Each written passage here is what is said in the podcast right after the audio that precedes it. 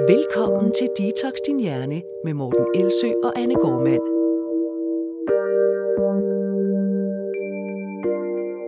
Så blev det tid til afsnit 29 af podcasten Detox Din Hjerne. Mit navn det er Morten Elsø, Og jeg hedder Anne Gormand. og i dag skal vi tale om overspisning. Og hvorfor skal vi tale om overspisning? Øhm, årsagen til, at vi har valgt at snakke om det, er fordi, at øhm, det er noget, der i virkeligheden skaber stor lidelse hos folk. Øhm, ikke nødvendigvis i den forstand, man tror, fordi det, er- når man, man kan snakke om, at det kunne skabe stigmatisering, som kunne være lidelse. Øhm, det har vi snakket om i en anden podcast, så det vil vi egentlig lade være her. Det er mere den form for lidelse, der er forbundet med at være fanget i noget, som for en er personligt ubehageligt. Og det kunne være, at øhm, ligesom en klient, jeg havde for ganske nylig, der har hele sit liv øhm, lagt sig til at sove, i, faktisk fra hun var 15 til hun var omkring 40, har hun, sagde hun, at der har hun lagt sig til at sove om aftenen med sådan en følelse i kroppen af at have fuldstændig udspillet sin mavesæk, øhm, har halsbrand og et hjerte, der bare hamrede afsted. Og øhm, når hun så lagde sig ned og skulle sove med det her fysiske ubehag, så var hun fuld af hadefulde tanker om sig selv.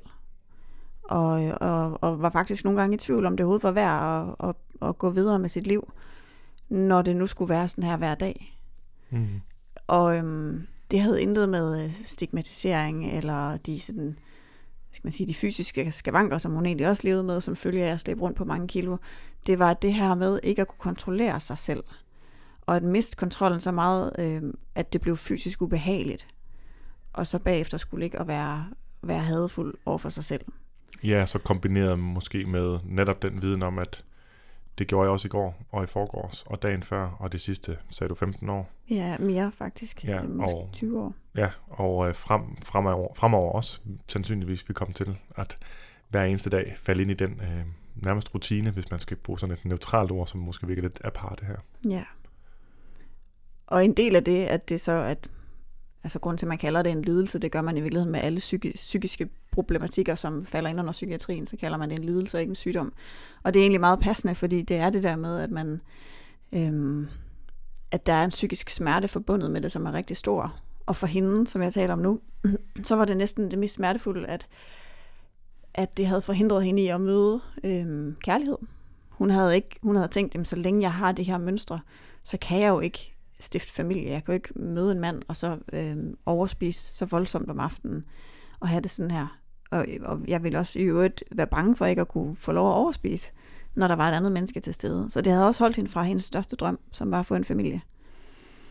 Øhm, så uagtet alt andet, hvad overspisning kan medføre sig af vægtøgning eller ubehagelige fysiske eller psykiske konsekvenser, eller at man måske lander i nogle skadelige kompensationsmekanismer for ikke at blive overvægtig, hvor man overtræner eller underspiser eller bruger laxativer, eller hvad man ellers kan finde på Eller kaste op. eller kaste op. Øhm, alene det at få det fysisk ubehageligt af sine overspisninger er i sig selv lidelsesfuldt. Så overspisning vil vi gerne snakke om som et separat fænomen, altså afkoblet fra, fra vægtstigning eller øh, noget samfundsmæssigt eller sundhedsmæssigt, men bare det, at overspisning i sig selv kan være øh, en kilde til lidelse. Og så vil vi gerne have fokus udelukkende på det i den her podcast. Og så øh, talte vi også lidt om, hvad, øh, inden vi, vi lige tændte mikrofonerne her, hvad formålet ellers er med podcasten. Og øh, det synes jeg ikke, der er nogen grund til at, at holde øh, hemmeligt for dem, der lytter med. Øhm, og, og, og det er vi ligesom nået frem til. Ja, altså det overordnede formål er at give indsigt i de adfærdsmønstre, der medfører overspisning. Fordi når man forstår mekanismerne bag, så kan man også se, at det ikke er et karakterbrist. Altså det er ikke mig som menneske, der er noget galt med. Det er den almindelige menneskelige hjerne, der har nogle virkelig uheldige øh, kombinationer. Så den, øh, den måde, den er bygget på, er simpelthen bare ikke særlig øh, smart for os. Så den fører os ud i nogle mekanismer, der har som, som hvad kan man sige, altså det, der, det manifesterer sig som overspisninger Mm. men det er nogle underliggende problemer. Og det, der så er vigtigt for os at understrege, det er, at alle de underliggende problemer, der er til overspisning, kan man arbejde med. Men da der er mange af dem, så tager det lang tid. Hvis det bare var et problem, så var det nemt. Mm. Jeg vil godt lige øhm, supplere Mm. Siger, "Mm, det kunne måske lyde underligt, at vi har en masse uheldige ting i vores hjerne, der fører til det her. Så hvorfor i alverden har vi det? Hvorfor er de ikke blevet sorteret fra evolutionært? Det ville jeg tænke, hvis jeg sad og hørte dig sige det her på den anden side Klart. i hvert fald. Øh, og der tror jeg, det er vigtigt lige at få, for mig ville det i hvert fald være vigtigt lige at få forklaret, at det, det er nok meget godt at forstå, at vores hjerne er ikke udviklet til at give os et godt liv. Den er udviklet til at sørge for vores overlevelse. Det er det eneste selektionspres, der har været igennem øh, millioner af år, hvis vi taler om bare mennesker, men ellers også alt det pres, der har været tidligere, før vi ligesom udviklede os til mennesker, øh, i, i, i den forstand, som vi kalder det, eller kender det. Øh, så hjernen er ikke til for at give os et godt liv. Mm. Den er, den, det den gør, og det den har mekanismer, de er der for, at vi skal, vi skal overleve. Og det øh, har virket rigtig, rigtig godt. Og så de sidste 30-40 år, der er der sket rigtig mange ting, eller måske de sidste 100 år, der er sket rigtig mange ting, hvor mange af de mekanismer simpelthen ikke, øhm, ikke bare ikke er gået til at, altså ikke øge vores overlevelse længere, men altså også virkelig har en negativ effekt på vores, vores livskvalitet. Mm. Det er sådan overordnet set, ikke? Jo, det er det. Ja, og vi vil også gerne nu, nu snakke om, altså at give indsigter i de forskellige øh, mekanismer, der ligger til grund for overspisning. Mm. Øhm, men også at give håb. Ja. Må være øh, det primære mål egentlig med, med det her, den her episode. Altså at give håb både til den, den enkelte, der kæmper og har kæmpet med overspisninger af forskellig grad i måske mange, mange år. Øhm, men også at give håb til behandlere, folk, der sidder med folk, som måske kommer ind og gerne vil have hjælp til vægttab, men som i virkeligheden kæmper med overspisning, og hvor man rigtig ofte vil føle som behandler, at man kommer fuldstændig til kort, fordi man ikke er bekendt med de mekanismer, Måske er man endda lidt, måske kender man måske nogle af dem fra sig selv, men man er ikke bekendt med den nok til, at man aner, hvad man skal gøre ved det. Nej, jeg hørte faktisk en podcast for ganske nylig. Jeg kan desværre ikke huske, hvad det var for en. Øhm, men der var der en psykolog med, som havde øh, samarbejdet med en diætist. Og diætisten havde i 20 år, tror jeg, øhm, givet kostplaner. Og i samtlige 20 år havde hun opdaget, at når klienterne kom tilbage, så enten så hørte hun ikke fra dem, eller også så hørte hun fra dem, og så var det fordi, at det var gået galt igen. Og til sidst så mistede hun simpelthen arbejdsglæden ved det. Øhm, og der kunne jeg bare ikke lade være med at tænke, hvor, altså, når, når der er så vanvittigt meget god evidens og praksiserfaring på området omkring overspisning, så er det godt nok ærgerligt, at der skal sidde en fagperson i 20 år og ikke vide, hvad man skal stille op med et menneske, der overspiser, når man ikke kan give en kostplan. Så, så der er håb forud. Der er, det, er faktisk, det er faktisk et ekstremt velundersøgt område. Det bliver bare ikke mm. brugt særlig meget. Nej. Og det er nok en del af um, diætkulturens diskurs. Nu ved jeg godt, det, ja. det er, det er en, et tilbagevendende tema uh, for mig. Men det er nok, at, at, at vi går ind i problemet med en idé om, at problemet er vægten, og problemet er kroppen, og problemet er, at man ikke ved, hvordan man skal spise rigtigt. Og det udgangspunkt er rigtig, rigtig dårligt egentlig, hvis vi nu gik ind i alt, der havde med, med madproblematikker at gøre, med den startantagelse, at det her det er noget, vi skal behandle med redskaber fra psykologien, øhm, så, så, vil der nok, så vil det nok give mere mening, og så vil det være bedre behandling, og så vil der være meget mere den her evidens på banen, for som, som du rigtig nok siger, som, som du har vist mig i dit arbejde med at forberede undervisning på det her område, jamen så er der simpelthen kæmpe store mængder af velundersøgt øh, og, og, og hvad kan man sige, godt tænkt, godt udtænkt øh, materiale og, og redskaber, som kan bruges til de forskellige øh, ja, mekanismer, som vi kommer ind på. Ja, det må man sige. Altså bare i øh, den gren af psykologien, der hedder Acceptance and Commitment Therapy, alene er der lige her for øh, halvandet år siden kommet en opsamling, som er fem Ph.D.-studerende øh, eller professorer, der har samlet al den viden, der er på området, og al den evidens, der er indtil nu, og alene der kan man finde måske 50-60 forskellige typer af redskaber, man kan mm. arbejde med, ja. hvis man ligesom går videre fra det. Så der er, der er afsindig meget. Der er, det er i hvert fald ikke mangel på det, der er årsagen til, at vi ikke kan hjælpe Men folk det med overspisningsproblemer. Jeg kommer også til at tænke på, at det kan virke uoverskueligt, for det kender jeg, når jeg hører om en ny terapiform, så tænker jeg, gud, nu skal jeg til at læse mm. alle fagbøger på det område. Men det viser sig jo så, øhm, at man kan jo lære de specifikke mekanismer, eller de specifikke baggrunden, der er fra de forskellige terapeutiske former, eller måderne øh, at se på det på, for de forskellige terapeutiske tilgange, dem kan man godt lære uden for eksempel at være psykolog. Man kan godt lære det uden at have den fuldstændige grundforståelse for de forskellige terapeutiske tilgange generelt, som jo, som jo virker på mange forskellige øh, lidelser eller udfordringer i livet.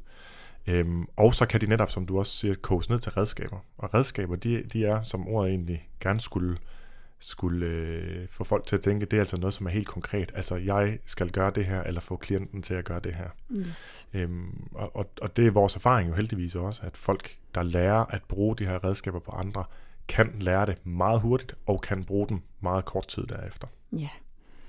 Så det var i forhold til håb, Ja. at der faktisk er håb, både for, øh, for jer derude, som kæmper med overspisning, og jer, der arbejder med det, som er frustreret og ikke rigtig ved, hvordan I skal håndtere det. Der er, der er meget, og nu gennemgår vi noget af det i dag, men der er selvfølgelig mere end det. Men øh, I får i hvert fald et indblik i det i den podcast i dag. Og øhm, Ja, afgrænsningen er jo så nok, at vi kan ikke komme ind i alle redskaber, fordi at der er så mange, og fordi man kan bruge en hel podcast episode per redskab nærmest, Ja. nogle gange i nogle tilfælde. Ikke? så i dag kommer vi mest til at snakke om de underliggende mekanismer, altså dem, man skal forstå, at det er dem, der driver ens overspisning. Ja. Og så kan det være, at vi kommer til at snakke om nogle enkelte ting, man kan gøre, men vi kan ikke nå inden for en times tid at blive meget konkrete, men vi skal selvfølgelig nok følge op senere. Øh, Men lad os starte med at snakke om, hvad en overspisning egentlig er, fordi det er jo øh, ikke noget, man kan måle og sige, at så er det vist x antal gram eller x antal kalorier, og så, har vi, så er der tale om en overspisning. Mm-hmm. Så hvad, hvad, hvad er en overspisning? Ja, men det er jo forskelligt. Man kan sige, der er jo, man kan dele det op i to. Helt overordnet kan man sige, der findes det, der hedder objektive overspisninger. Det er ting, hvor, hvor fagpersoner øh, ligesom udefra vil kunne vurdere, her har der været tale om en overspisning. Og så er det, der hedder subjektive overspisninger. Det er, hvor den enkelte bare vurderer, at det, jeg lige har gjort nu, det kalder jeg en overspisning. Det er sådan den ganske, ganske korte øh, sådan, ja, differentiering mellem de to. En objektiv overspisning, det vil så være, at der er tale om objektivt store mængder, man spiser. Det er også øh, ikke, det, det kan du heller ikke definere 100% præcist, men der taler vi altså om, at de fleste mennesker vil kigge på den her mængde mad og sige, det er for meget til et måltid eller et mellemmåltid. Øh, der er simpelthen alt for meget mad her. Øh, men en ting er, at der er for meget mad, det skal også spises på kort tid. Altså, så det er inden for sådan en afgrænset tid. Det er ikke noget, som bare sådan går og, og nipper af i løbet af en hel dag, for så er det jo ikke meget mad, hvis det måske er i løbet af en hel dag. Nej, det er altså inden for et lille afgrænset tidsrum, at man spiser det. Så vil en objektiv overspisning også komme til udtryk som, at man spiser hurtigere end normalt. Man spiser meget mindre opmærksomt end normalt. Man spiser det alene, og man oplever en følelse af skam, øh, typisk øh, efterfølgende. Nu er jeg ikke sikker på, at jeg har listet dem alle sammen, for jeg har ikke sat listen foran mig, men jeg tror, vi er ved at være tæt på, mm. at vi har alle kriterierne med. Øhm, og så spiser man også i fravær af sult, eller man er i hvert fald ikke drevet af sult. Det, man kan godt have været sulten, men man er ikke drevet af sult. Øh, og det er heller ikke, øh, jo, og så den type mad, man spiser, vil typisk være det, som jeg plejer at kalde hedoniske fødevarer. Det, det er et udtryk, som, som er sådan lidt sammenblandet af nogle forskellige ting, men altså ting, som egentlig er nydelsesvarer, men man spiser dem ikke for nydelsen, man spiser dem, fordi de tilhører en kategori af fødevarer, som man synes, man ikke skal spise, eller som ikke tæller som mad, men som tæller som det, der hører med i en overspisning. Derudover kan der være tanker, der kommer med ind over, hvis man kompenserer. Hvis man kompenserer ved opkastninger, så vil man også typisk vælge fødevarer, som man nemmere kaster op igen. Mm. En af mine klienter har fortalt om, at, at hendes øjne kan stadig falde på de her øh, øh, skumjulemænd. Nu kan jeg pludselig ikke huske, hvad, hvad for et mærke de kommer fra, men de her skumjulemænd, som de fleste kender, fordi når først de lige er blevet bare lidt våde, så glider de rigtig godt, kan man Ja, sige. Ikke? ja. Så det er, en, det er der vil det også være, det er ikke en del af kriterierne, men det er bare for at fortælle om, at, at det kan også være nogle overvejelser, der går med ind i de her objektive overspisninger. Helt klart. Og det er jo altså det, som du lige har beskrevet, blandt andet også den måde, man beskriver øh, diagnosen BD, altså tvangsoverspisning, hvad en overspisning er der. Ja, præcis. Øhm, det der så er med det tema, vi har i dag, det er, at det er både den, den vi kunne kalde den sygelige form for overspisning, den der i hvert fald har fået et sygdomskriterie, øh, kriterie. men vi kunne også godt snakke om de andre typer af overspisning, som man også kan opleve, øhm, som ikke passer ind på de kriterier. Fordi hvis man for eksempel har en tendens til konstant at gå og småspise hele dagen, fordi at hver eneste gang, man lige keder sig, eller skal overspringshandle, eller ikke lige overgår den opgave, der er foran sig på computeren, så det første, man gør, det er at gå ud og tage noget at spise. Så føles det ikke så voldsomt. Det er ikke sådan en kæmpe grad af kontroltab. Man bliver ikke helt udspillet. Andre mennesker vil heller ikke tænke, hold da op, det er en stor mængde. Men det er stadigvæk en overspisning. Og hvis det er uproblematisk for personen at gøre det, og det ikke giver dem problemer i deres øh, dagligdag, og det bare fungerer, så er det ikke en overspisning. Hvis det derimod er noget, man voldsomt gerne vil slippe af med, fordi det faktisk styrer en, og man ikke selv føler, at man kan kontrollere den der græsning, man går og laver hele tiden, så er det også en art overspisning. Ja, det kan man sige også øh, under kriterierne for objektiv overspisning, der er der også det, der hedder oplevelse af kontroltab. Yes. Og det er jo også en, noget, der i den grad kan gradbøje. Så som du selv siger nu, hvis man ikke føler, at man har kontrol over sin græsning, jamen, så er der også det kriterie med. Og så også i forhold til BED vil jeg bare lige øh, supplere med at sige, jamen altså, hvis du opfylder mange af de her kriterier, og det så er noget, der sker øh, flere gange, en eller flere, flere gange per uge, jamen så er det det der diagnostisk for binge eating disorder eller tvangsoverspisning. Men hvis det sker mindre end en gang om ugen, måske hver anden uge, eller det sker i lidt mindre grad, jamen så er der sådan set ikke nogen, nogen kvalitativ forskel, der er kun en kvantitativ forskel. Og det har vi nævnt før i podcasten, yes. tror jeg. Jeg kan i hvert fald høre, høre at jeg har sagt det før. så, der, så, så er det faktisk det samme, vi er ude i. Det er bare størrelsesordenen, der er anderledes. Helt enig. I forhold til de subjektive overspisninger, der er der også øh, andre elementer, der kan... Nu, nu, nu fryser min computer lige, og det forstyrrer lige mit uh, taleflow en lille smule. Så det kan være, at vi skal vende tilbage til de subjektive overspisninger, men det er jo, altså igen, det er jo, at man selv har vurderet, at det er på en eller anden måde forkert, det man har gang i. Ja, også selvom andre vil tænke, jamen du har jo bare spist en lille proteinbar med et eller andet chokoladefyld. Hvordan kan du tænke, det er en overspisning? Hmm. Men for en øh, person med anoreksi vil det være en voldsom overspisning. Ja. Så der er det der, der, er det der subjektive øh, lag i det også, hvor det der, det der, hvor man virkelig, virkelig har behov for en fagprofessionel nogle gange, der kan sætte sig ned sammen med en og sige, okay, så det du beskriver her, det kan godt være, at det føltes som en overspisning, men øhm, det var det ikke objektivt set. Der, der passede det lige præcis med, hvad du havde behov for. Ja. Og i forhold til det antal kalorier, som din krop normalt forbrænder, så er det der et fuldstændig normalt mellemmåltid. Ja. Det er simpelthen bare, fordi det er råd på din forbudtliste, at ja. du opfatter det som noget forkert. Præcis. Og en af kriterierne, det sidste kriterie, som jeg manglede, nu fandt jeg lige listen frem, det var, at man spiser til ubehagelig mæthed, som egentlig var det, du, begynd, du beskrev med den mm. første lille case-beskrivelse øh, fra før. Øh, men det kan jo også for nogen opfattes, altså igen, folk kan komme til at øh, fejlfortolke de her ting, således at det netop bliver, man bliver sådan selvdiagnostiserende, i hvert fald over for sin overspisning. Øh, så hvis man spiser sig til mæthed, eller bare lidt overmæthed, altså, så synes man også, det er en overspisning, fordi det var forkert. Altså det er igen sådan en helt, det er sådan en forkerthedsstempel, man sætter på. Yes. Det er det, der skaber den subjektive overspisning. Det kan være, at man spiser mere, end man synes, man burde til et måltid at man spiser uden at være sulten, eller uden at være sulten nok, hvis man har tænkt, jeg må kun spise, når jeg er sulten, fordi det er en god måde at tabe sig på, kunne der være folk, der, ja. der har tænkt, at så laver man en regel for sig selv. Det vender vi tilbage til det med regler. Øh, at man spiser for at dulme negative følelser, det kan man også synes er forkert, og så tæller det også, kan man også synes, at det var en overspisning. Mm.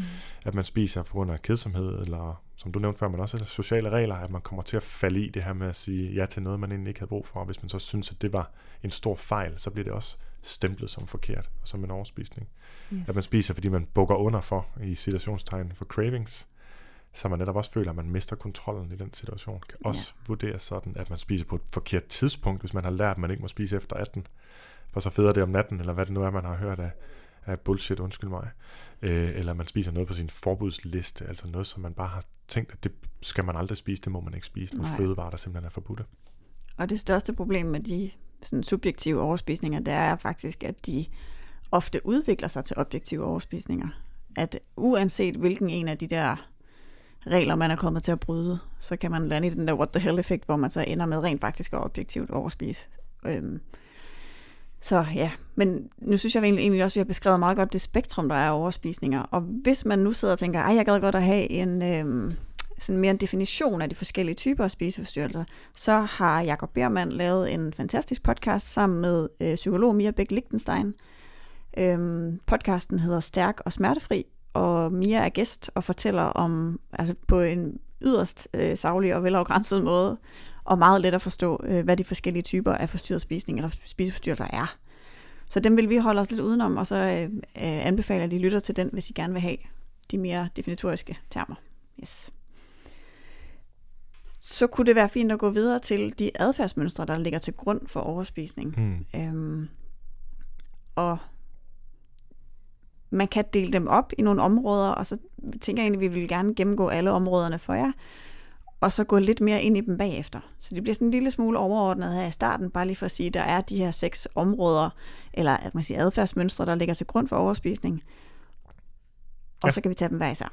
Det synes jeg er en god idé. Jeg vil sige, øhm, lige for en gang skulle, så vi er glade for, for, for talemediet her, men, øh, men du har jo netop brugt, øh, du har netop udviklet et redskab faktisk, eller sådan et overredskab, man kalde det det, sådan et paraplyredskab til at øh, få sat det hele i system, og det er det, du netop øh, for nylig har undervist i på vores overspisningscoachuddannelse. Yes. Øhm, og sådan, som, som, som virker så godt, så det også nu er blevet jeg vil sige, patenteret, men det hedder det ikke, det er registreret, øhm, fordi det, det giver nemlig et rigtig godt overblik. Det kan vi ikke rigtig tegne her, øh, fordi Nej. det ligesom er, er kun på, på et, et lydmedie, men der har vi ligesom en, en, øh, en dartskive, hvor man kan bevæge sig tættere på eller længere fra midten i forhold til, om man er tæt på eller langt fra målet i de forskellige adfærdsmønstre. Yes. Øh, det giver nok ikke særlig meget mening, når du hører det lige nu, men, øh, men, men det kan vi ikke gøre, så nu bliver det ligesom bare på listeform, hvis man kan sige det sådan, ikke? Jo. Ja. Og altså redskabet er egentlig sådan et øh, terapeutisk analyse- og interventionsredskab. Det lyder helt vildt kedeligt, men det, det er bare det er et redskab til at afdække, hvor, øhm, altså hvilke underliggende mønstre, der er til stede ved den klient, man sidder overfor, mm. og så finde ud af, hvor det giver mest mening at sætte ind først. Ja. Og så kan man tracke øh, med redskabet også, hvor langt man er nået på de forskellige parametre Ja. øh, hen imod et meget lidt forstyrret forhold til mad, som nogen vil kalde et roligt forhold til mad, det vi kalder madro Ja. i daglig tale. Ja, madro, Ja, som, som det modsatte af madstress. For dem Yes. af jer, der har hørt podcasten meget, vil, nok, vil det nok give mening med det samme intuitivt. Håber jeg i hvert fald. yes. Og så ellers vil det være hen imod et fleksibelt forhold til mad, som man også kan Ja. kalde det. Lige præcis. Hvor man ikke er styret af sine overspisninger. Men øhm, jeg kan lige starte med at gennemgå de seks områder, og så kan vi snakke om dem lidt hver især. Øh, hvis man skulle starte med den allervigtigste, så er det i virkeligheden det første punkt, som er, at man, øhm, at man spiser ekstremt uregelmæssigt. Altså at man har det, man kalder et kaotisk måltidsmønster. Den problemadfærd, eller det øh, underliggende mønster, der er her, er, at man i en eller anden form for forsøg på at kontrollere sin vægt, øhm, bliver meget restriktiv og nægter sig selv at spise. Og det kan for eksempel være hen over et år, at man har januar, februar marts, hvor man er på kålsuppekur, og så øh, i sommerferien eller forsommeren, så giver man helt slip og overspiser helt vildt. Og så kan det være, at der er en periode senere på året, hvor man siger, nej, nu må jeg også hellere tage mig sammen inden den her ferie, og så er man vildt restriktiv, og så har man månedsvis igen, hvor man overspiser. Den form for kaotisk spisning hen over året, er der rigtig mange, øh, der døjer med overspisning, der kender. Mm. Og det er der, hvor vægten den måske falder 12 kilo og stiger 14, og falder 10 og stiger 20. Mm. Altså det er meget kaotisk også, bare sådan på, på vægtudviklingen. Øhm, og det giver sig selv, at det er altså rigtig psykisk hårdt at være i, hele tiden at være på vej op eller ned. Der er ingen af delene, der er sjove at være i. Enten er du på vej ned i vægt og øhm, må få ingenting og skal sige nej til sociale begivenheder og gå rundt og er konstant sulten, eller også er du i gang med at overspise og isolere dig og være alene og pakke dig væk mm. øh, og have dårlig samvittighed og have det fysisk dårligt. Så der, Det der er er sådan ingen en pendulering mellem to nederen ekstremer. Yes. Ja. Det vil være meget kaotisk. Ja. Øhm, Kan det ikke også være på, på, på kortere øh, tidshorisonter, altså at man øh, kompenserer for aftens overspisning dagen før ved at være restriktiv og så videre? Jo, jo, men det, man kunne faktisk, øhm, inden der kunne man lige tage ugen som eksempel også, inden man tager dagen, fordi der er også sådan et, øh, et mønster, at der er rigtig mange, der er ekstremt restriktive fra mandag til torsdag, og så er det lille fredag jo, og så starter der et eller andet der, og så er det faktisk først søndag, de får samlet op igen, og det vil sige, at man måske ender med at bruge halvdelen af ugen på at overspise, og halvdelen af ugen på at underspise. Og det er lige så kaotisk og ubehageligt at være i, som, øh, ja, det er heller ikke rart at overspise i weekenden og underspise om mandagen. Mm. Og det, der så er lidt skørt, det er jo, at det er sådan, nu er det jo sådan en, en menneskeskabt ting, at der er noget, der hedder en mandag. Hvis vi nu var dyr og havde dyrehjerner, så var, var der ingen, der nogensinde sådan, om jeg starter på mandag. Mandag? det er det der med, at vi har skabt en dag, hvor man ligesom kan starte på, der, der også skaber problemet med det, med det kaotiske her. Øhm, og så som du sagde, så er der den her hen over dagen kaotiske måde at spise på, hvor man måske har overspist om aftenen, og så vågner man om morgenen og tænker, aldrig mere, og nu er det slut, og nu skal jeg bare... Og så sparer man ligesom, altså sparer op, eller springer måltider over i løbet af dagen, og starter måske først med at spise om eftermiddagen. Og så har man både på grund af ens øh, fysiologi, som virkelig spiller en et pus, når man bliver oversulten, så har man også en tendens til at slå sin øh, kognitive kapacitet fra. Ens frontallapper får ikke lov at bestemme noget, fordi når man er sulten, så bliver man kort for hovedet, man snapper af folk, man har dårlig impulskontrol. Og når man har dårlig impulskontrol, så er man også dårlig til at styre sin spiseimpuls. Og så stikker spisningen ligesom af der, og man tænker, nej, men nu har jeg alligevel også ødelagt det hele, så nu kan jeg lige så godt fortsætte at spise alt det, som, som jeg ikke må, fordi jeg skal jo alligevel starte i morgen. Den der kaotiske, altså i virkeligheden er det, hvis I lægger mærke til det, det er fuldstændig det samme psykologiske mønster, om det er året eller dagen. Helt fuldstændig samme psykologiske mekanisme, der styrer det. Og det, der, der er med den øh, måde at spise så kaotisk på, det er, at den kan, det er nok i virkeligheden den, der står allermest i vejen for, at man får et roligt forhold til mad. Så det vil være noget af det første, man faktisk arbejder på. Der er jo selvfølgelig sådan en lidt hønen eller ægget øh, snak i det her tilfælde. Hvad kommer først? Er det så tank, er det kurtankerne, der kommer før det kaotiske spisemønster? Og øh, jeg tror ikke, jeg kan klippe den der lyd ud, når du bankede din kaffe op i mikrofonen. Jeg håber, det, jeg håber ikke, Jeg der er nogen tromme, tromme der er blevet sprunget undervejs. øhm, ja, det er lidt svært at, at afdække, og man kan sige, det der, er- det der er smart ved den måde at inddele det på her, det er, at, som du selv siger, det er adfærdsmønstre. Og det kan virke underligt, når vi snakker om, at vi øh, generelt gerne vil hive det hele i en retning, der er mere drevet af øh, psykologiske indsigter og psykologiske redskaber. Og så taler vi så meget om adfærd som det første. Men det er bare nemmere at gå ind og, nogle gange kan det være nemmere at gå ind og ændre adfærden først, og så lade tankerne følge efter. Det er overhovedet ikke nødvendigvis kun det, der sker her, men det er i hvert fald, det er i hvert fald øh, en måde at afgrænse det på, og så sige, at her er det adfærden, vi starter med. Det er adfærden, vi starter med, men det er helt klart psykologien, der driver adfærden. Ja. Det er den her tanke om, at hvis jeg, hvis jeg er meget, meget restriktiv, så går det godt. Og så kan man jo spørge sig selv, okay, så de sidste mange år af dit liv, hvor du har været på kur, hvor mange gange har du haft tanken, hvis jeg er meget restriktiv, så bliver det hele godt. Øhm, og, og, og det, der kan være så svært netop, og det var også en af de pointer, vi havde oprindeligt i slutten forbudt, og vi, vi kunne ikke folde den ud, for vi havde ikke evnerne og viden til at folde den ud. Det var mere et indspark i, øh, i sundhedsdebatten. Det var, at, at det i virkeligheden er nødvendigt at stoppe med den her kontroladfærd. Som det jo, øh, det er jo tit er, men folk har jo netop den frygt, fordi vi tænker meget kortsigtet, især når man er sådan i det her kaos. Så tænker jeg, at jeg kan ikke stoppe med at have den her kontrolreaktion ovenpå, at jeg har haft et kontroltab. Men det er kontrolreaktionen, der i sig selv afler kontroltabet efterfølgende. Ikke? Yes. Øhm, et kursus, vi begge var på for nylig, der stod der bare, at det er, det er kontrollen, der er problemet. Ja. Tror jeg, der stod. Den Ja. slide, der var Det er ikke problemet, der er problemet. Det Nej, er kontrollen, der er problemet. ja. Øhm, og, man, og det, som man jo så som behandler jo så sidder med der, det er, når vi så skal ændre den adfærd, så finder vi så ud af alle de psykologiske mekanismer, der ligger bag, at man har svært ved at indføre et stabilt måltidsmønster, hvor man altså faktisk skal spise, på trods af, at man har lyst til at kompensere. Altså man skal spise sin morgenmad, hvis det var noget af det, man havde lyst til. Mm. Øh, på trods af, at man har lyst til at kompensere for overspisningen dagen før. Men Ja. det er altså måden, man bryder det mønster på. Det er det. Helt klart. Så det er et af de steder, man kan sætte ind, hvis man øh, døjer med overspisning, øh, og man oplever, at man har det her kaotiske spisemønster. Det er, at man kan spørge sig selv, eller en fagprofessionel, hvordan kan jeg bevæge mig mere fra den her kaotiske måde at spise på, hen mod noget, som er mere normalt og regelmæssigt. Altså hvor jeg spiser måske sådan hver anden tredje time i løbet af dagen, og at lørdag faktisk meget ligner mandag og tirsdag, og at julemåneden faktisk ligner meget januar.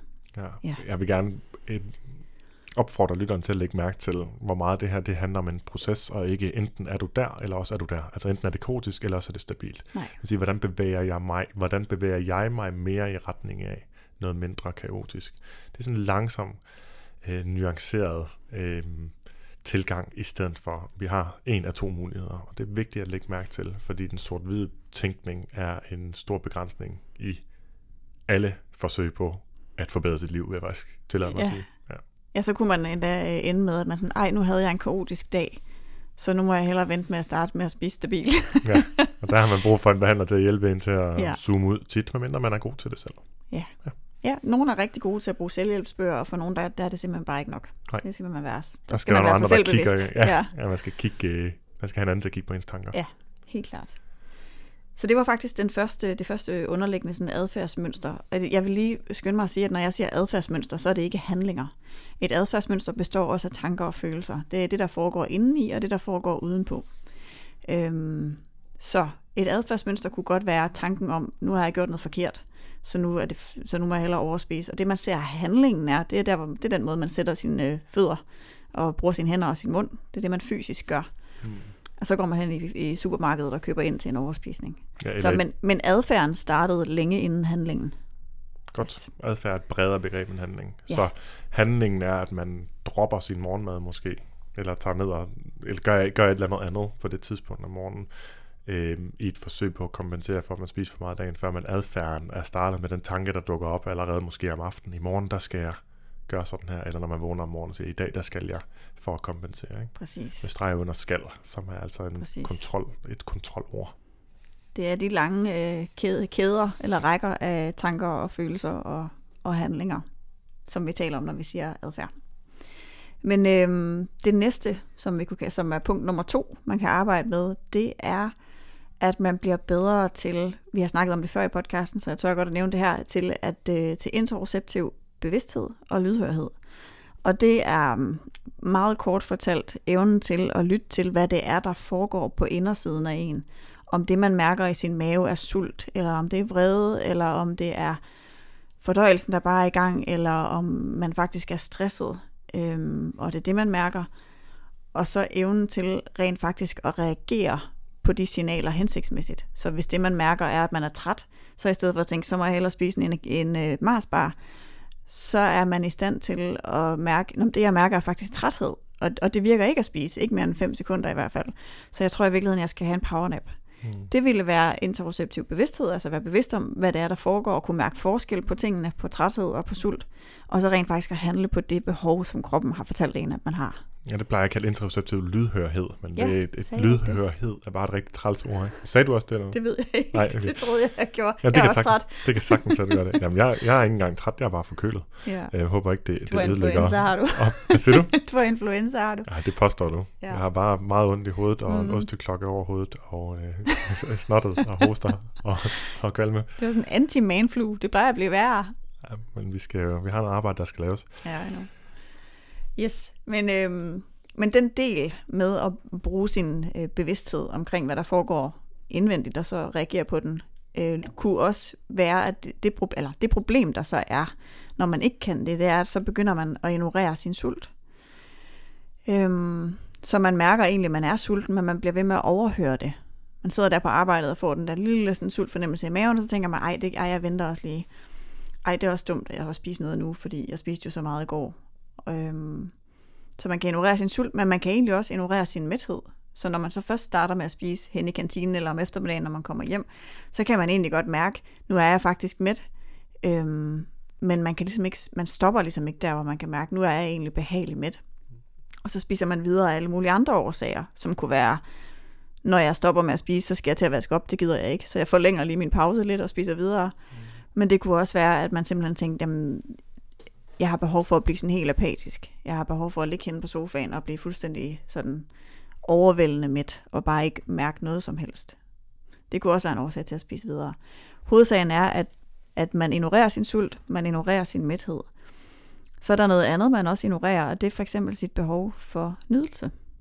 At man måske gennem længere perioder tænker, at jeg, jeg må kun spise, hvad ved jeg, smoothies og proteinbar, og så lever man af det, og så har man et øh, man siger, akut, akut behov for nydelse, som aldrig bliver mødt. Fordi nydelse er en menneskelig ting. Vi har alle sammen behov for at nyde mm. noget.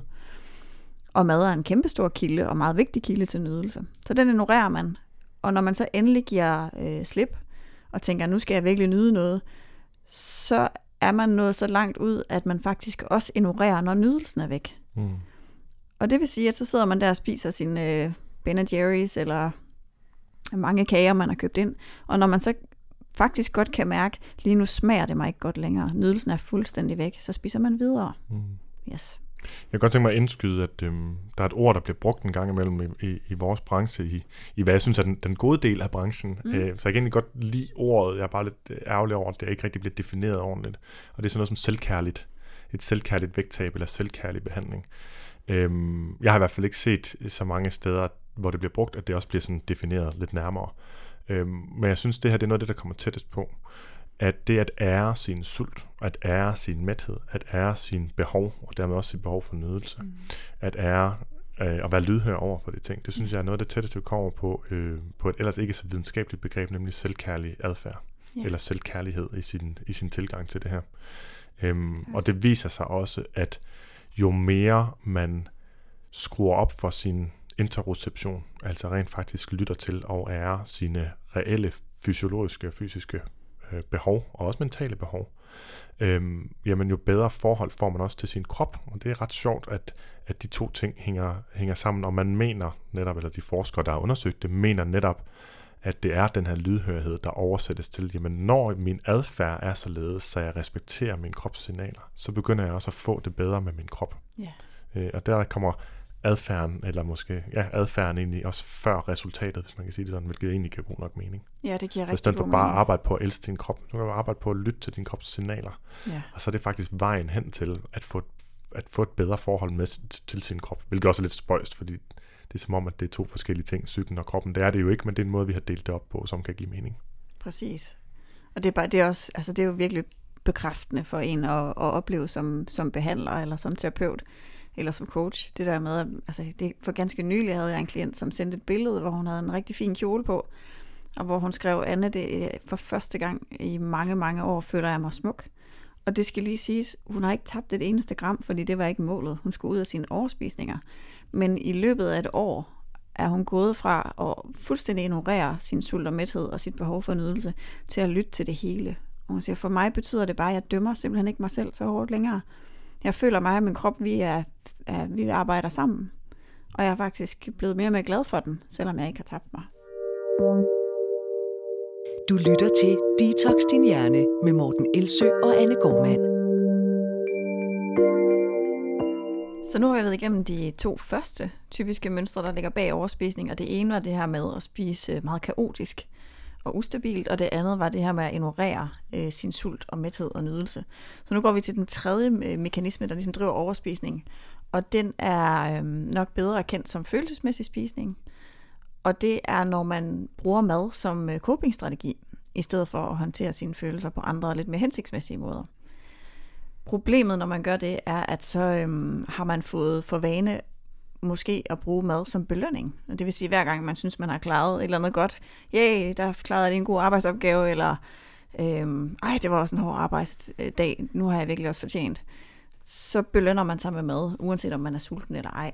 Det er også en form for følelsesmæssig spisning, hvor mad har fået plads som belønning og ikke som mad. Og så kan det også være sådan noget som, at man faktisk trøstespiser. Øhm, det er helt normalt at trøstespise. Det gør vi alle sammen i et eller andet omfang.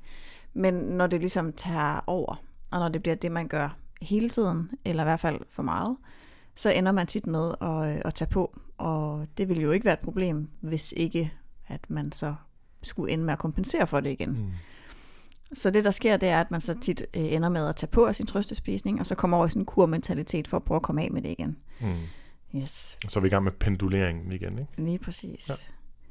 Øhm, det kan være, altså trøstespisning kan findes i rigtig mange grader. Nogen, for nogle er det simpelthen bare sådan, når jeg virkelig, virkelig er ked af det en gang hver tredje måned, så går jeg hen og køber en stor pose slik.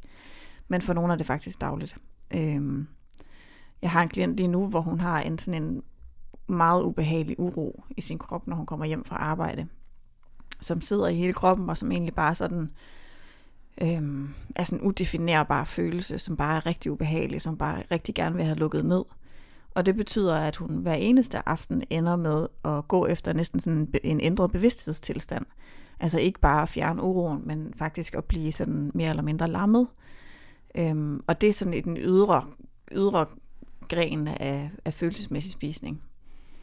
Og hvis man skal arbejde med den årsag til overspisning, så skal man jo i virkeligheden bevæge sig længere og længere væk fra at bruge mad som copingstrategi, og tættere og tættere på at være god til at håndtere sine følelser på andre måder. Lige præcis øh, den årsag til overspisning er der rigtig mange psykologer, som vil være vanvittigt dygtige til at hjælpe med, fordi det netop ikke handler om, om mad, men det handler om, at man har behov for at lære en måde at håndtere sine følelser på, inden man kan slippe maden. Mm. Der er der mange, der kommer til at begå den fejl, at de prøver på at slippe følelsespisningen, uden at have noget at sætte i stedet for uden at have lært en anden måde at håndtere det på. Og så bliver der et gigantisk tomrum, og så bliver det simpelthen for svært. Mm. Man kan ikke forvente, at man kan stoppe med at trøste spisen, når det udfylder så stor en funktion i ens liv. Man kan sige, øh, en af de ting, som vi ikke har berørt overhovedet i vores podcast, og som jeg også berører meget lidt, men som jeg blev mere bevidst om for nylig på et topmøde omkring øh, svær overvægt, politisk topmøde omkring svær overvægt, det er um, den her sociale skævhed, der er i fordelingen af svær overvægt. Altså at, at, øh, at der er langt flere, der kæmper med det i, øh, i øh, dele af samfundet, hvor man har øh, en, en sådan negativ social arv, kan man sige, ikke sådan, sådan øh, kort sagt, altså lavere uddannet, lavere dårligere økonomi og dårligere øh, vilkår som, som barn egentlig. Og det giver også god mening, hvis, hvis en af forklaringsmekanismerne bag svær overvægt er øh, følelsesmæssig overspisning, jamen, så giver det også god mening, fordi man også sandsynligvis vil finde, at øh, kommer man fra de de, de lag i, i samfundet, så vil man have, så er der, er man, er der stor sandsynlighed for, at man har fået færre øh, gode håndteringsstrategier, eller med sig hjemmefra, eller mm. generelt er blevet dårligere til at regulere sin, ikke er lige så god til at regulere sine følelser. Så hvis man kommer fra et ressourcestærkt hjem, var det, jeg ville sige, hvis ja, jeg kunne sige klart. det kort. Ja. I et ressourcestærkt hjem vil man formentlig have lært... Øhm, der er i hvert fald større sandsynlighed for, at man har lært. Ja. ja, der vil være større sandsynlighed for, at man har lært sine følelser at kende, altså at man rent faktisk har haft samtaler med voksne, der har sagt, det, det virker som om, du er rigtig vred lige nu, eller jeg kan se på dig, du er rigtig ked af det, så man har fået sat de rigtige ord på sine følelser, Ja. så man også ved, hvad det er, man føler, øhm, og kan navngive det. For når du kan navngive det, så kan du også bedre handle på det. Nå, hvis jeg, hvis jeg er træt og frustreret, så hjælper det at gø- gøre noget for at komme af med trætheden og frustrationen. Hvad Mm. plejer jeg at gøre for at gøre det? Ja. Man har måske også lært at berolige sig selv. Først ved, at man har haft nogle rolige forældre omkring en, der har siddet ned og har beroliget en fysisk og med sin stemme og med sin måde at være på. Og det har man så internaliseret hos sig selv, og er blevet god til at berolige sig selv. Mm. Har man ikke fået det med fra barndommen af, så er man i større risiko for at bruge øh, undgåelsesstrategier i forhold til, øh, når man får det svært. Og undgåelsesstrategier kunne også være ludomani, eller det kunne være alkohol, det kunne være overdrevet arbejds, øh, altså det kunne være arbejdsnarkomani. Der kunne være rigtig mange måder, som man prøver at undgå sine svære følelser på, Mm. når man ikke har lært at, at takle dem. Mad er bare en af dem. Og man kan da sagtens være vokset op i et øh, økonomisk øh, og uddannelsesmæssigt ressourcestærkt hjem, men stadigvæk ikke har haft øh, forældre, som har øh, haft evnerne til at kunne lære en at forstå og regulere sine følelser. Præcis. Og man kan også have været, som børn, barn og teenager, have været for øh, urolig ved at sige, hvad der har været galt. At man måske er blevet mobbet i skolen, eller har haft det svært. Og så har man gemt sig på sit værelse og spist sine følelser væk, og gemt slikpapiret væk i bunden af skraldespanden. Og så har ens forældre heller ikke haft en chance for at vide, at der var noget galt. Mm-hmm. Så det er for det første ikke at bebrejde forældrene, det er ikke det, der er vores mål Overhovedet overhovedet. Øhm, det er bare, at der, er, der kan være en forklaring for dig, der lytter med derude, på at du spiser på følelser, som har intet at gøre med, øhm, at du på en eller anden måde er viljesvag, men som har meget at gøre med, hvad du har fået med dig i bagagen. Yes. Man kan sige, alt har at gøre med, hvad man har med sig i bagagen, Ja. enten genetisk eller, eller øh, miljømæssigt. Yes, præcis. Men det, der så er med følelsesmæssige øh, årsager til spisning, det er, at skal man arbejde med det, så skal man lige så stille have integreret nogle andre måder at håndtere sine følelser på. Mm, måske skal man blive bedre til at håndtere konflikter, i stedet for at gå hjem og spise og, og glemme dem. Måske skal man blive bedre til at kommunikere med dem derhjemme, fordi der opstår nogle frustrerende situationer. Måske skal man have taget sig af sin ensomhed, hvis det er det, man spiser på. Øhm, og det vil sige, det er sådan lidt en større opgave. Det kan godt lyde meget nemt, når vi sådan i starten af podcasten siger, jamen, så skal man bare arbejde med alle de her mønstre, så er man, så er man fri for sin overspisning. Men der er jo nogle underliggende mønstre i forhold til følelsesmæssig spisning, som tager rigtig lang tid at arbejde med, og som kræver noget lidt dybere arbejde. Øhm, så hvis det er det, der, der lytter med, kan, kan se, det er nok en af dem, du, der fylder mest ved dig, så kunne det faktisk godt være et godt sted at finde en behandler på, som arbejder med copingstrategier, hvordan du håndterer følelser. Yes. Ja, og man kan også sige, at det kan, det kan føles øh, som en stor ting, men man kan også sige, øhm, at ikke gå i gang med det stykke arbejde, er kun at skubbe, øh, skubbe tingene, problemerne foran sig. Øh, man kommer ikke til at løse øh, øh, problemer med udfordringer med følelsesmæssig spisning gennem en kostplan eller en slankekur. Tværtimod, så er det det, der er med til langsomt hele tiden at forstærke den samme type adfærd, som man egentlig gerne vil væk fra. Så det er sådan set bare at komme i gang øh, med det her bare. Det, det, det er selvfølgelig et træls ord i mange sammenhænge, men, men jo Ja. før, jo bedre. Helt klart. Og hvis man så ender med at skal bruge øh, et halvt eller et helt år, og hvad der måske svarer til øh, ja, en måneds husleje, alt efter hvor man bor i landet, så er det en langtidsinvestering. Det er resten af ens liv, man har de strategier med. Det kan virkelig godt betale sig. Mm. Det var den tredje af dem. Øhm, der er tre tilbage til jer, der tænker, det er ved at blive en lang liste. Så vi er halvvejs. Øhm, det, den fjerde er i virkeligheden mere en øh, sådan sociologisk øh, årsagsmekanisme, fordi, eller sociokulturelt er det vel i virkeligheden. Og, og det er det her med, at man som menneske er designet til at følge flokken. Det er enormt ubehageligt for os at gøre noget andet end andre mennesker, fordi det at føle sig uden for flokken er forbundet med frygt for at blive afvist. Og sådan helt evolutionært set, så det at blive afvist øh, var, jo, var jo, altså i urtiden var det jo forbundet med, så gik du rundt alene på savannen, og kom der en løve, så var du lidt på den, og så var det dem, der havde en flok, der rent faktisk overlevede. Mm. Så som overlevelsesmekanisme giver det rigtig god mening at prøve at holde sig til flokken og være velanset. Men det, der så sker i forhold til overspisning, det er, at vi nogle gange kommer til at tolke mad ind i en øh, floksammenhæng. Og det vil sige, at vi begynder at spise på grund af andre menneskers forventningspres. Øh, ikke at de gør det med vilje, men det er sådan en ting, vi alle sammen gør. Så når nogen for eksempel har stået og lavet syv forskellige retter til en julefrokost, øh, og du så egentlig kan mærke, fordi du lytter til din krop, at du har faktisk bare behov for de første to. Du kan egentlig også mærke i forhold til nydelse, det er også dem, du nyder mest, og egentlig har du ikke lyst til mere. så kan en af årsagerne til, at du øh, spiser videre, jo godt være, at du tænker, men hvad vil de andre ikke tænke, hvis jeg siger nej tak, eller hvis jeg stopper nu? Så vil de tænke, at jeg er mærkelig, eller at jeg er på kur, eller at jeg er svag. Og at være svag er ikke en god ting at være i en flok, for så er man ikke øh, attraktiv for flokken. Så der er, der, der er nogle sådan dybere mekanismer, hvor det at spise på høflighed og forventningspres øhm, kan være ekstremt svært at bryde op med. Det, det, ligger, det, det er hardwired i os, og det er derfor, Yes. det er svært, fordi der er faktisk rigtig mange ting, der understøtter, at det er nemmere at bryde op med i dag, end, end det ellers ville være, vil jeg egentlig indskyde. Øhm, for det første, så kan vi finde nye flokke. Det var ikke nemt i gamle dage, og Nej. det ved mange, øh, mange af os jo faktisk godt, at vi nogle gange skifter vennekreds. Øh, dem, der er måske 50, 60, 70 år, har måske skiftet vennekreds 4, 5, 6 gange i deres liv. Der er altså en ny flok øh, på den anden side af den ja. flok, man er i, hvis den flok ikke passer til det, man, man egentlig har brug for. For det første. For det andet, så kan vi acceptere meget mere øhm, divergerende adfærd, hvis man kan sige det sådan, fra, fra flokken øh, i dag, end, end, end vi kunne ellers, fordi vi har et helt ekstra lag af hjerne, øhm, som gør os meget mere fleksible faktisk over for ting, der bryder mønstrene.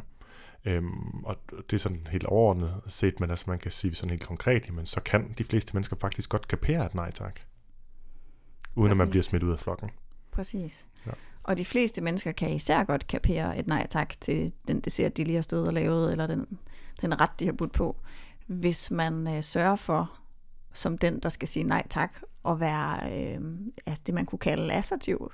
Altså at man ligesom, man er ikke flabet. Man siger ikke, nej, jeg skal ikke have alt det det siger det, eller puha, det er der ikke nogen, der har godt af, eller, altså så er man jo faktisk disrespektfuld over for den andens kærlighedserklæring i form af mad.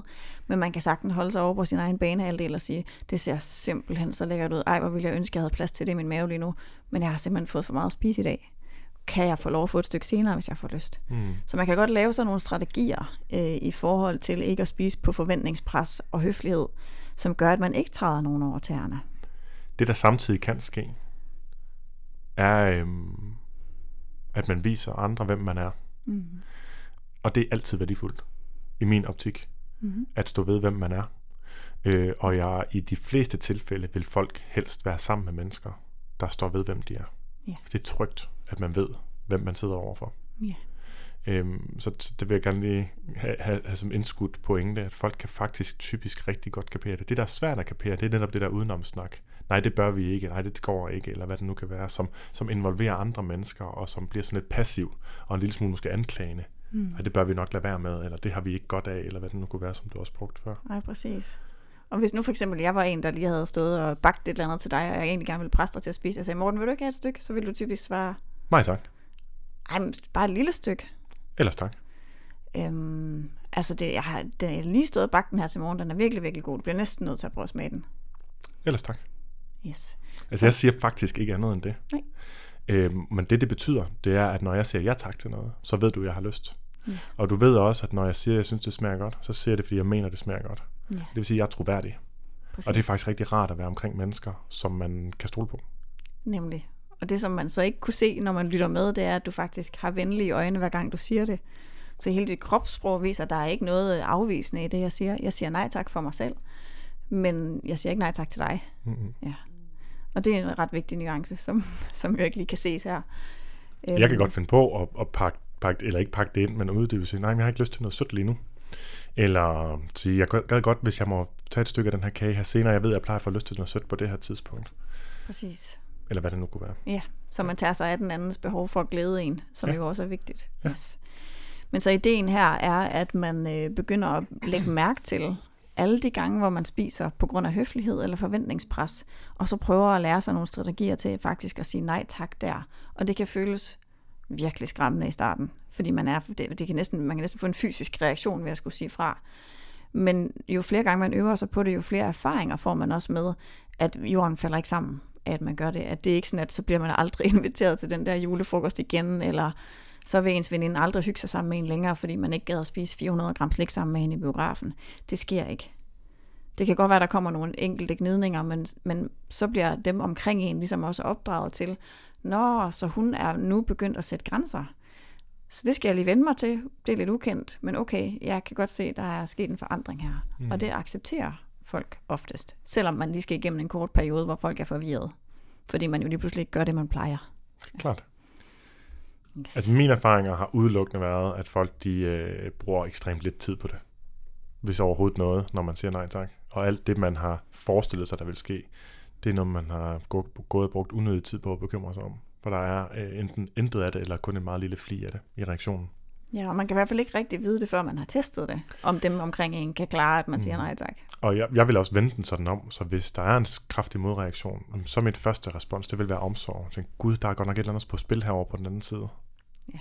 Jeg vil absolut ikke øh, lappe det ved at gå på kompromis med min egen adfærd, eller mine egne værdier, eller hvad man nu kan sige.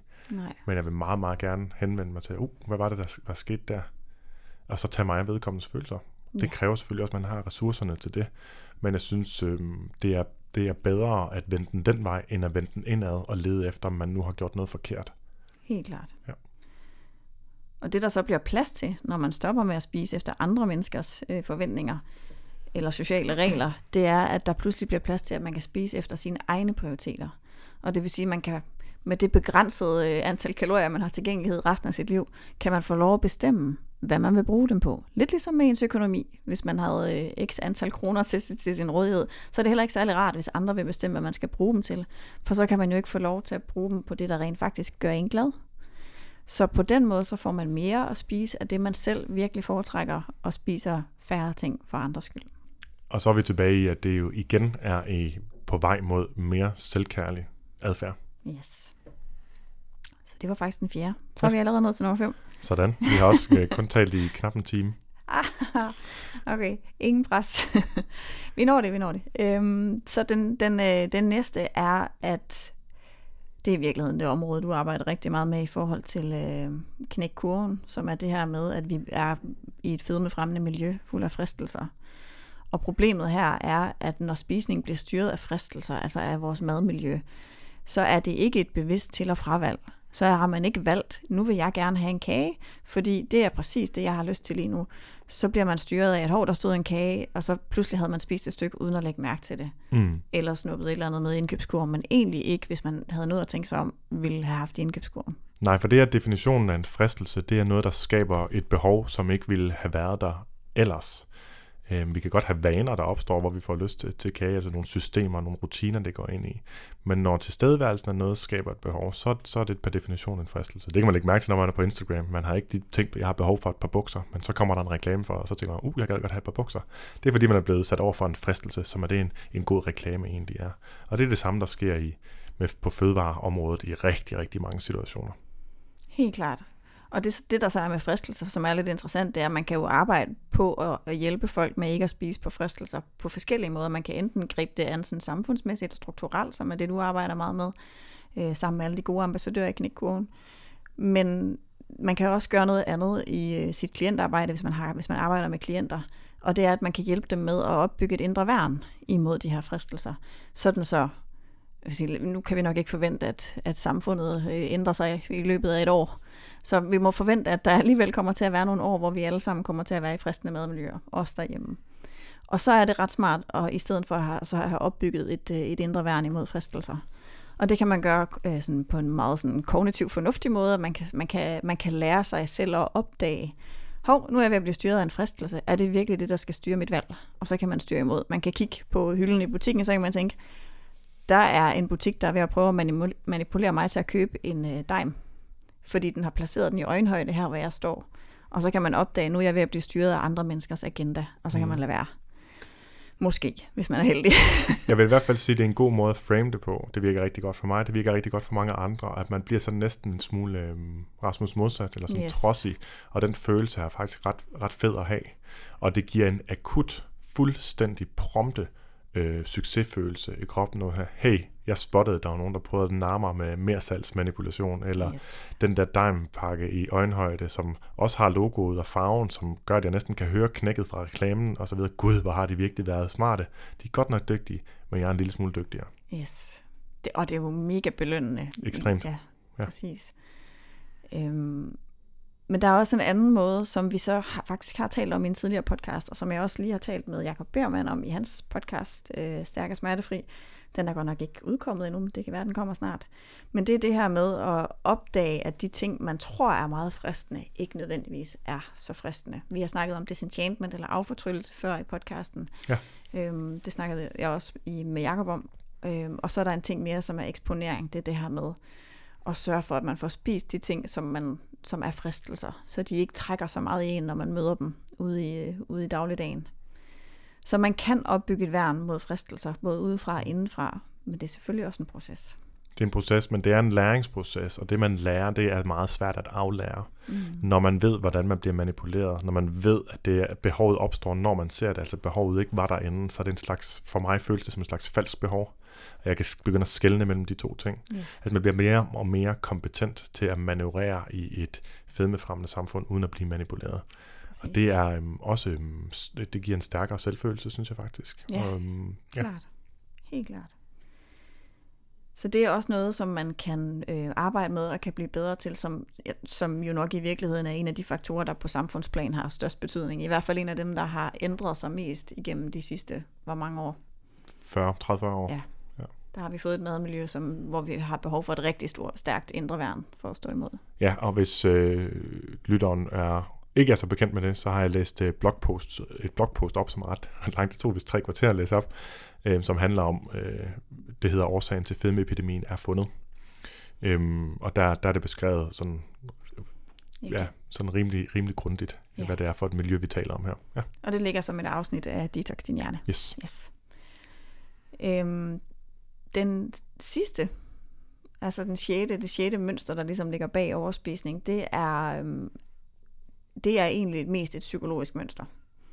Det, det består i, at man har rigtig mange rigide madregler, som man har samlet sammen fra øh, kollegaer og dameblade og øh, selvudnævnte eksperter og selv har fundet på.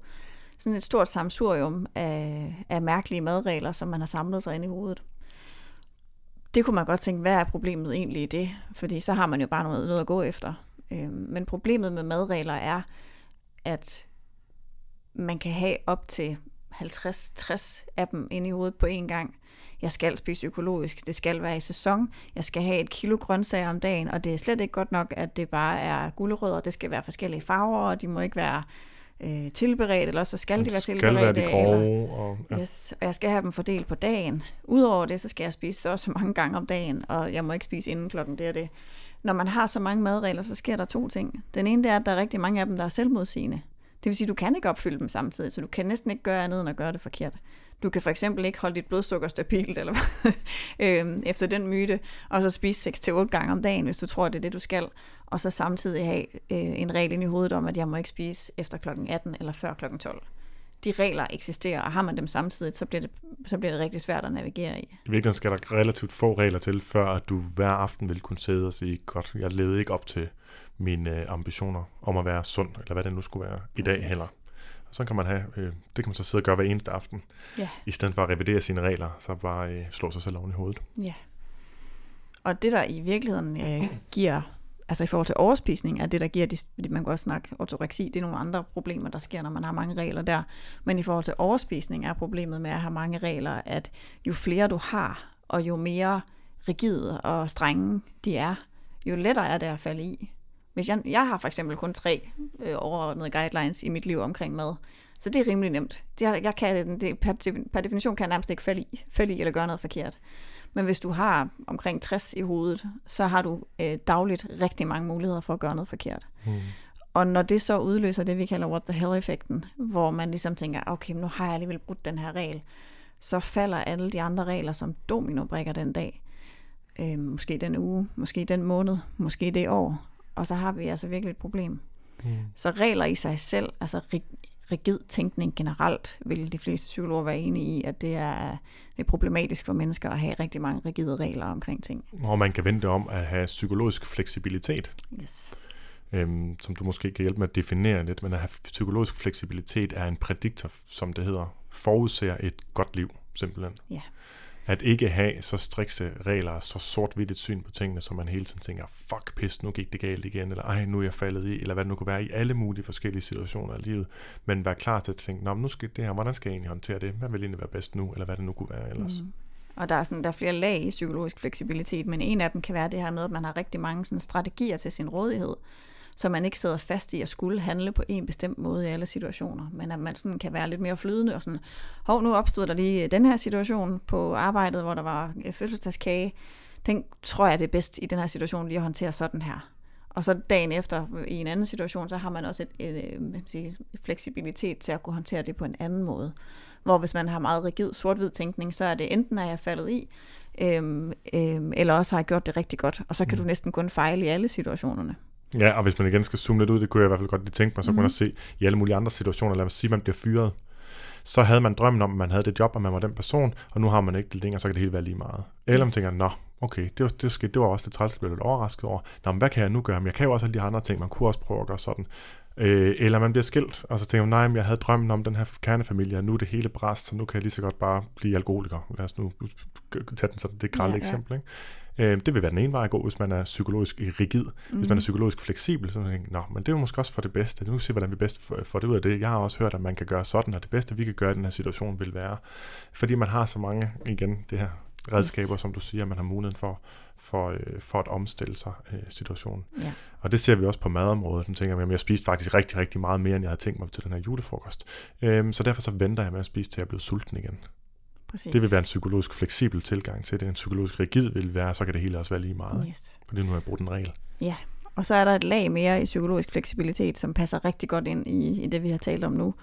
Fordi det er det her med, at, øhm, at være fleksibel er også ikke at være fanget i sine tanker og mønstre, men faktisk at kunne se dem og kunne styre imod dem. Øhm, hvis man for eksempel har jeg, nu tænker jeg specifikt på, på hende klienten, som i kjolen faktisk, hun har haft sådan et, øh, et psykologisk mønster omkring at være meget, meget, meget stringent og have mange regler.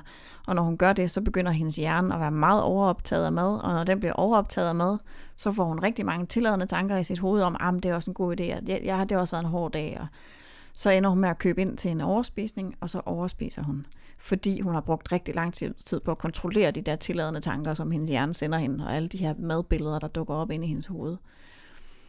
Hvis man kan se det mønster udefra, så man ligesom kan se, hov, nu observerer jeg, at min hjerne er i gang med at bilde mig ind, at jeg skal øh, lade være med at spise noget her til morgen. Så kan man godt have tankerne, men ikke tage dem alvorligt. Så kan man godt være sådan lidt en, en, en act-metafor, vil være ulydig teenager, imod sin hjerne og tænke, ha, nu siger, nu siger du øh, knap så kloge kur hjerne, at jeg skal lade være med at spise morgenmad. Men jeg har en værdi om øh, at spise, når jeg er sulten. For at ære min, min sult og mæthed og ære min krop. Og den vil jeg hellere lytte til. Så psykologisk fleksibilitet er også at kunne observere sine uhensigtsmæssige tanker, og så kunne øh, tage dem med sig på vejen hen imod noget, der rent faktisk er vigtigt for en, og ikke lytte til dem. Mm. Så ikke at være styret, yes. men at kunne se på den. Yes. Ja. Det er det. Så nu har vi faktisk nået igennem dem alle sammen. Øhm, og jeg kunne egentlig godt tænke mig, og, og generelt er jeg ikke glad for gentagelser. Eller i hvert fald ikke at høre på dem. Jeg kan godt have tendens til at synes, at de er vigtige her, så det kommer jeg lidt til nu. Men jeg kan godt tænke mig bare lige at beskrive ganske kort. Bare alle seks igen, hvor det er, øh, forestil jer en proces fra udefra og så ind mod midten.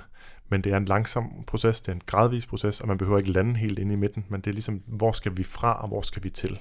Og lad os nu sige, at det står helt gralt til på alle områderne, så starter man udefra øh, punkt 1 fra et... Øh, nu har du stået... til et stabilt måltidsmønster. Ja, og nummer 2. Fra at ignorere til at navigere efter sult, mæthed og nydelse. Og nummer 3. Fra mad som copingstrategi til effektiv håndtering af følelser. Og nummer 4. Fra spisning efter sociale regler til spisning efter egne prioriteter. Nummer 5. Fra spisning styret af fristelser til bevidste til- og fravalg. Og den 6. Fra rigide madregler til fleksible retningslinjer. Øh, det var ikke planlagt, at jeg skulle sige de der ting indimellem. Nu blev det lige sådan, eller at jeg skulle, jeg skulle øh, give dem tal.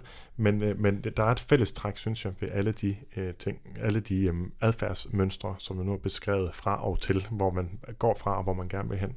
Og det er, at de alle sammen øh, kunne klassificeres, når man er der, hvor man ikke vil være. Altså et øh, kaotisk madmønstre og rigide regler, etc., etc., at det alt sammen stammer lidt fra sådan typiske kurtanker. Vil du være enig i det? Ja, helt klart.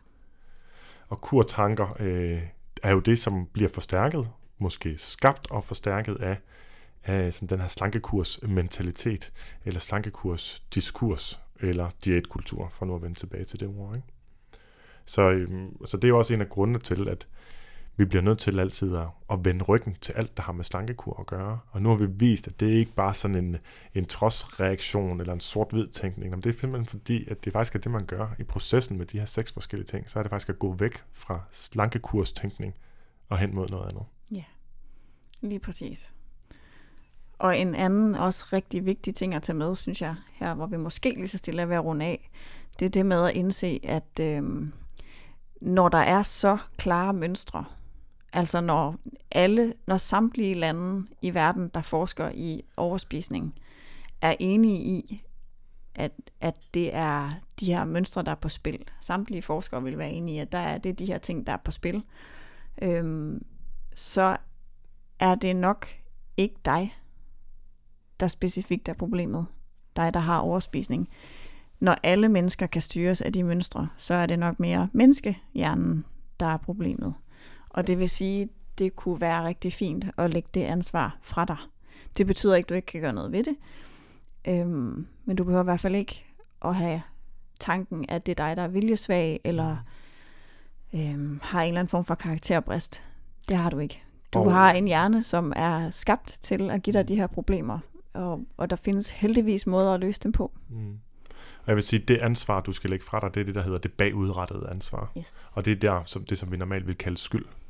Men du kan faktisk godt påtage dig det fremadrettede ansvar, men det kan du først, når du ved, hvad du skal. For ellers er det frugtesløst. yes. Og når du nu ved lidt mere om det, det var i hvert fald vores forhåbning med den her podcast, det var at give dig indsigt, og med dig mener jeg lytteren, give dig indsigt i, hvad det er for nogle mekanismer. Indsigt i, at du er øh, ligesom rigtig mange andre. Rigtig mange andre har præcis de samme problemer. Måske din nabo endda har dem, men du aner det ikke. Øhm, giv dig indsigt i det, men så også øh, håb, som vi nævnte i starten.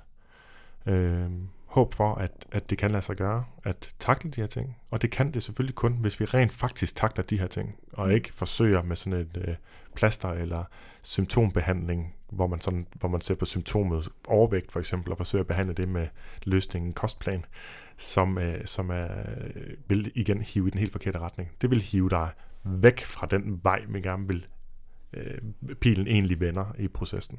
Præcis. Ja. Og der er, der er øh, hjælp at hente.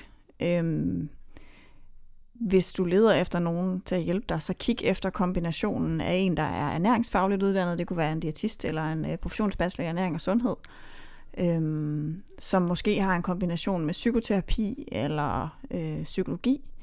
Du kan også vælge en vanecoach med speciale i øh, overspisning, fordi de har lært alle de her seks øh, mekanismer rigtig godt at kende, Ja, nu har de Og så har brugt de- øh, tre dage på som overbygning oven på banekurset. som overbygning på vanekursuddannelsen, hvor de har fået specifikke redskaber til at sidde med klienten, til at rykke dem tættere på bullseye, altså tættere på midten af dartskiven, som du snakkede om i starten, Ja. i forhold til alle de her seks øh, grundlæggende mekanismer, der driver overspisning. Og øh, bare lige for at sige, fordi både Morten og jeg hader ideen om at være for reklameagtige, det har vi ikke, øh, der, der er ingen, jeg får ikke noget ud af at sige andet, øh, det her personligt andet, end at øh, jeg rent faktisk ved, at der sidder nogen derude nu, der kan hjælpe. Og Ja. det, det vil være det vil være ærgerligt at ikke give det et forsøg i det mindste. Så hvis du sidder derude og tænker, det kunne være rart at se, om jeg rent faktisk kunne få hjælp til det her, så søg i dit øh, søgefelt på mm. Google på efter en overspisningscoach. Ja. Yes. Eller send en øh, mail direkte Mm. ind til øhm, info vanecoach.dk. Der sidder min hustru, er det nu, og øh, øh, brokker sig ikke over antallet af mails, og det gør han faktisk en gang, men det er lige meget nu. øhm, og sidder klar til at svare, hvis du søger hjælp til det her specifikke problem, så skal vi gerne få sendt, øh, få, få sat dig i kontakt med øh, en kompetent overspisningscoach. Og det rigtig rare ved det, det er, at overspisningsmodulet, som det hedder den her overbygning på vanekortuddannelsen, den udvikler sig jo hele tiden. eller det modul udvikler sig hele tiden. Og det betyder også, at det er jo svært at forudse, hvorledes det bliver taget imod, hvor nemt det har været at lære, og om de er i stand til at bruge det bagefter. Det, der har været den bedste oplevelse næsten, udover at være med til undervisningen, for mit vedkommende, det har været at se ind i den lille Facebook-gruppe, der var, til deltagerne, at de har taget redskaberne i brug med det samme. De har været så konkrete, at de kunne bruge det med det samme på sig selv og på andre. Så vi er meget, meget trygge ved at kunne sige, at der findes, øh, ud over de behandlingsmuligheder, der var i forvejen, ved dem, der havde kombinationen af forståelsen for det psykologiske og det ernæringsmæssige, at der nu også findes en, en voksende her af kompetente og kærlige og empatiske øh, behandlere, der har, der har forstand på lige præcis de reelle mekanismer bag overspisning så du ikke bliver hævet i den forkerte retning, men faktisk endelig får hjælp i den rigtige retning. Ja. Og lad det være alt øh, for nu, for denne episode. Tak øh, til dig, der lyttede med, og husk, at du kan altid komme med en øh, anmeldelse øh, i iTunes, og du kan finde show notes ind på detoxdinhjerne.dk. Det her var den sidste episode for i år, så vi vil gerne ønske glædelig jul. Og godt nytår. Og godt nytår til alle jer, der lytter med. Det er vi rigtig glade for. Tak for nu. Tak for nu.